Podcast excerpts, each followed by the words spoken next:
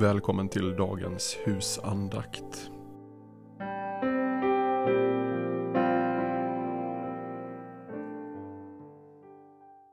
Den 10 december. Eftersom Guds ande bor i er. Romarbrevet 8.9. Här är en mycket viktig förutsättning. Eftersom Guds ande bor i er. Det är ett påstående som väcker till eftertanke och självprövning. Här uppenbaras också en gränslös nåd. Guds ande bor i människor som ännu är på jorden. Tror du det? Vem kan förstå och beskriva den nåd, ära och härlighet det innebär att ha gemenskap med Guds ande? Ja, vem kan riktigt tro att det är en verklighet? Trodde vi detta fullt ut skulle vi knappast orka leva med all glädje, häpnad och förundran. Och ändå är det en gudomlig sanning för alla som andligt sett blivit födda på nytt. Med Guds ande menar många nu för tiden en Guds kraft och verkan i själen eller ett sinne enligt Guds natur. Ja, den nya människan som skapats i oss. Ordet ande har också den betydelsen på många ställen i skriften. Men när aposteln här säger eftersom Guds ande bor i er syftar han på det oerhörda. Att ingen mindre än den sanne levande guden bor och verkar i det troende. Han syftar här på den personliga anden, den tredje personen i gudomen, lik Fadern och Sonen i alla gudomliga egenskaper. I nästa vers säger aposteln Om Kristus bor i er och i vers 26 Anden själv vädjar för oss med suckar utan ord. Det talar sitt tydliga språk. Gud bor hos de troende. Guds ande är inte bara en Guds kraft och verkan i människan. Han är en person i Guds treenighet.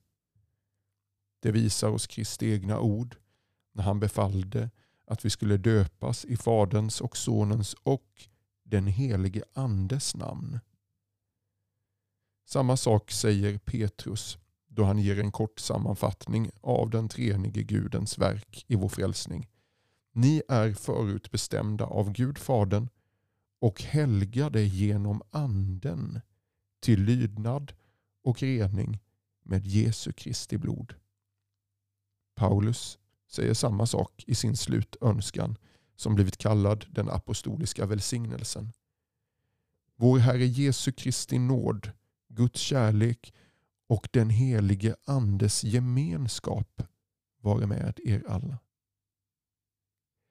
Den helige Ande är alltså en person i den eviga gudomen som jämställs i skriften med Fadern och Sonen. Hur tydligt talar inte Kristus om den helige Ande som en person och inte bara som en kraft när han säger och jag ska be Fadern och han ska ge er en annan hjälpare som ska vara hos er för alltid, sanningens ande.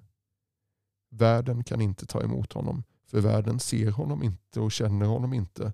Ni känner honom för han förblir hos er och ska vara i er. Johannes 14, 16-17. Men hjälparen, den helige anden som Fadern ska sända i mitt namn, han ska lära er allt och påminna er om allt jag har sagt er. Johannes 14, 26. Då ska han leda er in i hela sanningen. Han ska förhärliga mig, för han ska ta av det som är mitt och förkunna för er. Johannes 16, 13-14. Här ser vi vad som är hjälparens egentliga ämbete och uppgift på jorden, nämligen att göra Kristi verk och ord levande i människors hjärtan. Han ska vittna om Kristus och upprätta hans rike, upplysa, kalla, församla, leda helga och bevara människorna i detta rike. Fadern har gett dessa människor åt sonen. Sonen har återlöst dem och den helige ande ska samla, helga och leda dem in i sanningen. Alla människor är döda i sina brott och synder till dess att livets ande öppnar deras hjärtan för att ta emot honom som är utgiven för oss till evigt liv. Anden förenar oss med honom och verkar en ny skapelse i vårt inre. Aposteln säger nu här att den ande bor i det troende. Samma sak säger han också på ett annat ställe. Vi är den levande Gudens tempel. För Gud har sagt, jag ska bo hos dem och vandra bland dem och vara deras Gud. Andra Korintierbrevet 6.16. Vilken oerhört stor härlighet. Man kan verkligen fråga, hur kan den oändlige bo i sina barns hjärtan? Gud är ju dessutom närvarande överallt. Vad betyder dessa ord? Jag ska bo hos dem och vandra bland dem. Man kan med rätta svara, dessa ord beskriver den djupaste föreningen mellan Gud och den troende människan. Gud bor ständigt i henne och med sin nåd och umgås förtroligt med henne. Om detta säger Kristus, jag ska gå in till honom och hålla måltid med honom och han med mig. Ett annat svar lyder så. Denna hemlighet är alldeles för stor. Den övergår vårt förstånd. Endast i evighetens ljus kan den uppenbaras. Men ändå är den en verklighet, en hög och härlig sanning. Guds ande bor, lever och verkar i det troendes hjärtan. Detta är förklaringen till att det märkliga förhållande som den troende får uppleva. Att det i hjärtats djup alltid finns ett heligt sinne som sörjer över det onda och syndiga men som gläder sig över det goda och heliga. Trots yttre växlingar och stormiga frestelser. Med bättre och sämre stunder förblir detta sinne alltid detsamma. Det är sig alltid likt så länge inte människan helt avfallit från nåden och förlorat Kristus.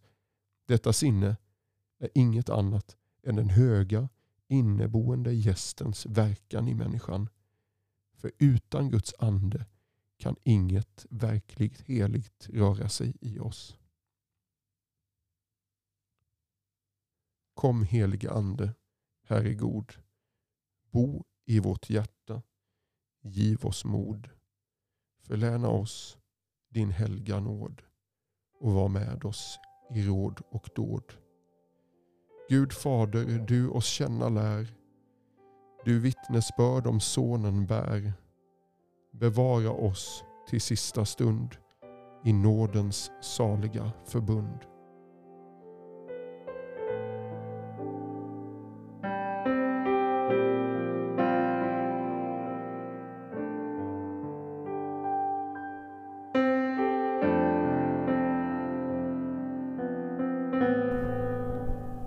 Du har lyssnat till Karl Olof Rosenius husandakt.